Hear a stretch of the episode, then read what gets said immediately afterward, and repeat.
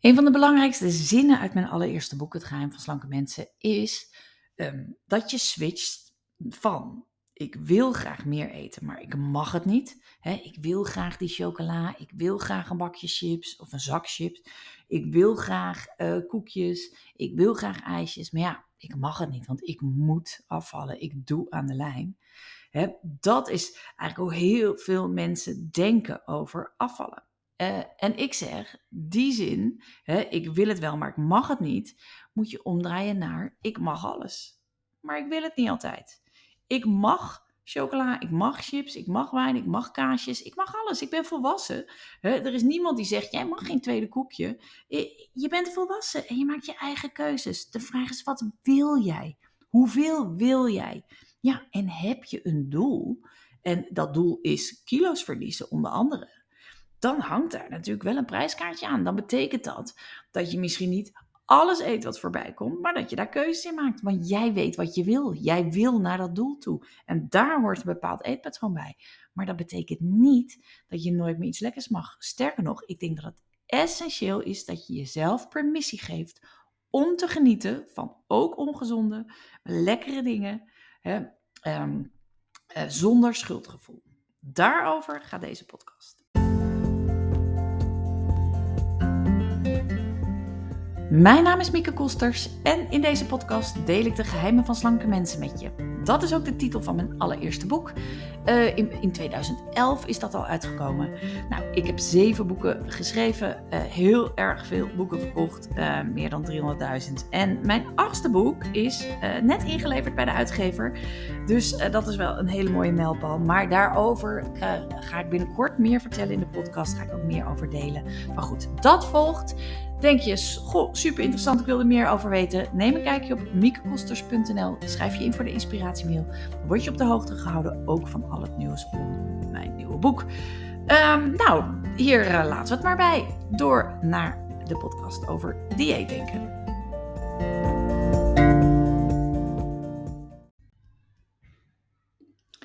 Ha, we gaan het eens hebben in deze aflevering over um, het schuldgevoel wat je kan hebben als je lekkere dingen eet. En dat komt zo vaak voor, dat valt me echt op. In de trainingen die ik geef, en dan organiseer ik uh, twee keer per week uh, een coachuur. En dan kunnen mensen dus vragen stellen en dan uh, coach ik mensen. En echt, dit komt heel vaak voor, deze vraag. En dan wel steeds in misschien een iets andere vorm. Maar eigenlijk komt het dan vaak op hetzelfde neer. En dat betekent, ik weet eigenlijk toch niet zeker of ik wel lekkere dingen kan eten nu ik wil afvallen. Mag dat wel? Is dat wel goed? Moet ik het dan niet toch beter doen? Want ja, als ik die dingen niet opeet, dan val ik toch sneller af. Nou, eh, dat is ook waar, dat klopt. Maar de vraag is of dat beter is. Hè? Want daar uh, wil ik het graag over hebben in deze podcast. Kijk, ik noem dit dit gedrag. Uh, nou, een paar voorbeelden hoe, hoe zich dat kan uiten is, uh, nou, dat was uh, toevallig dan de vraag uit het vorige coachuur, zei een mevrouw van ja, ik heb heel vaak aan het einde van de dag, nou eigenlijk helemaal niet zoveel gegeten, dus ik heb nog wel wat over in mijn budget, caloriebudget, om het zo maar te noemen. En, um, en ze zei ja, dan denk ik, nou, dan neem ik gewoon een koekje of twee of drie. En um, ja, dat is toch niet helemaal de bedoeling. Nou, dat is een perfect voorbeeld. Terwijl uh, diezelfde mevrouw heel goed afvalt. Het, blijft, ze blijft binnen haar plan. Maar ze twijfelt dus over die koekjes. Nou, een ander uh, had het um, in het weekend. Die viel ook af. Was eigenlijk heel tevreden. Maar in het weekend was het toch wel vaak dan een wijntje of chips of een kaasje. Ja, ja dat voelt dan toch niet altijd goed. Nou, dat is de ene kant van het verhaal. De andere kant zijn voorbeelden die ik echt heel vaak hoor, zijn dingen als. Nou, ik was met mijn uh, gezin, uh, gingen we even eten halen een keer. En uh, ja, iedereen nam een Turkse pizza. En ik heb gewoon thuis een salade gegeten. Goed, hè? Nou, um, dat zijn allemaal voorbeelden waarvan ik denk, nou, daar zit iets in wat toch nog niet helemaal klopt. Want Waar gaat het over? Als jij je eetgedrag wil veranderen voor altijd, als jij wilt, niet alleen wilt afvallen, hè, dus die kilo's nu verliezen, maar ook slank wil blijven, dan is het essentieel dat jij een eetpatroon ontwikkelt voor altijd. Dus dat betekent een manier van eten waar je werkelijk tevreden mee bent. Waar je werkelijk van geniet en waar je ook voor kan staan. Kijk, ehm, heel vaak eh, mensen die houden zeggen van ik hou van koekjes, ik hou van chocola. Nou, ik ken het zelf. Kijk, ik hou ook van zoetigheid. Maar bijna iedereen die wil afvallen of die te zwaar is, denkt dat mag eigenlijk niet. En waarom niet? Natuurlijk mag het wel. Het gaat er maar net om hoeveel je eet en of je het in hand houdt, is niet. Maar juist het feit hè, dat ik ehm, destijds afviel, die 18 kilo, met elke dag iets van chocola en heel regelmatig wijntjes met vriendinnen, maakte juist dat ik dacht, ja, maar zo wil ik het wel. Want dit is ja, wat ik voor altijd vol kan houden. Dit is hoe ik het eigenlijk, als je, als je aan mij vraagt, hoe ziet je ideale eetpatroon eruit? Dan is dat echt wel 80% gezond. Maar 20% is ook wel ruimte voor gewoon de dingetjes die ik echt heel lekker vind. Of gezellig. Nou, dat is wat mij betreft het uitgangspunt. Want wat gebeurt er nou? Kijk, ehm, als je nou die koekjes, om laat, laat ik daar even op doorgaan. Wat gebeurt er nou als je die niet meer neemt? Omdat je denkt, dat is toch niet goed. Dat is toch niet gezond. Ik moet echt minder suiker en noem maar op. Nou, de eerste vraag die je dan jezelf kunt stellen is: hoeveel suiker eet je? Als je denkt aan die 80-20 regel die ik net zei, um, als het zeg maar als je 80% gezond eet en het zijn maar drie koekjes per dag, wat, wat de suikerrijker is. Ja, hoe groot is dan het probleem, zou ik, uh, zou ik zeggen. Dus dat is één. Het tweede is, uh, wat gebeurt er als je zegt tegen jezelf: ja, dat mag ik toch niet. Nou, wat er dan gaat gebeuren is het volgende. Je uh, blokt het uit je, hè? je weert het, je zegt, je zet het op de verboden middelenlijst. Ik mag geen koekjes s'avonds. En wat gebeurt er s'avonds? Je uh, neemt een kop thee en je hebt toch zin in die koekjes. Ja, maar dat mag jij niet. Nee, je moet sterk zijn. Jij mag geen koekjes, jij moet snel afvallen, jij moet resultaat boeken. Nou, je hoort het allemaal wel, dan gaat het allemaal alweer over sterk zijn, moeten, niet mogen. Dat zijn allemaal al woorden die strijd in zich hebben. Die, die aangeven dat je in een strijd belandt. Want dat gaat er gebeuren. Je krijgt dan weer strijd. Je wilt het eigenlijk wel, maar je mag het niet. En precies dat is wat dieetdenken is. Je wilt het allemaal wel, maar je mag het niet. Terwijl je het omdraait en zegt: Ik mag alles, ik mag koekjes, maar ik wil er maar twee.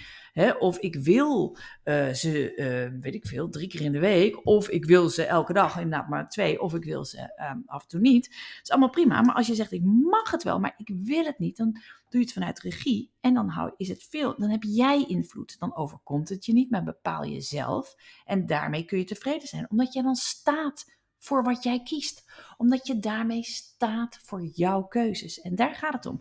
Dus, terug naar die koekjes. Als je nou gewoon tegen jezelf zegt, ja, ik val af. Ik eet 80, zeker 80% gezond. En ik geniet enorm van die koekjes.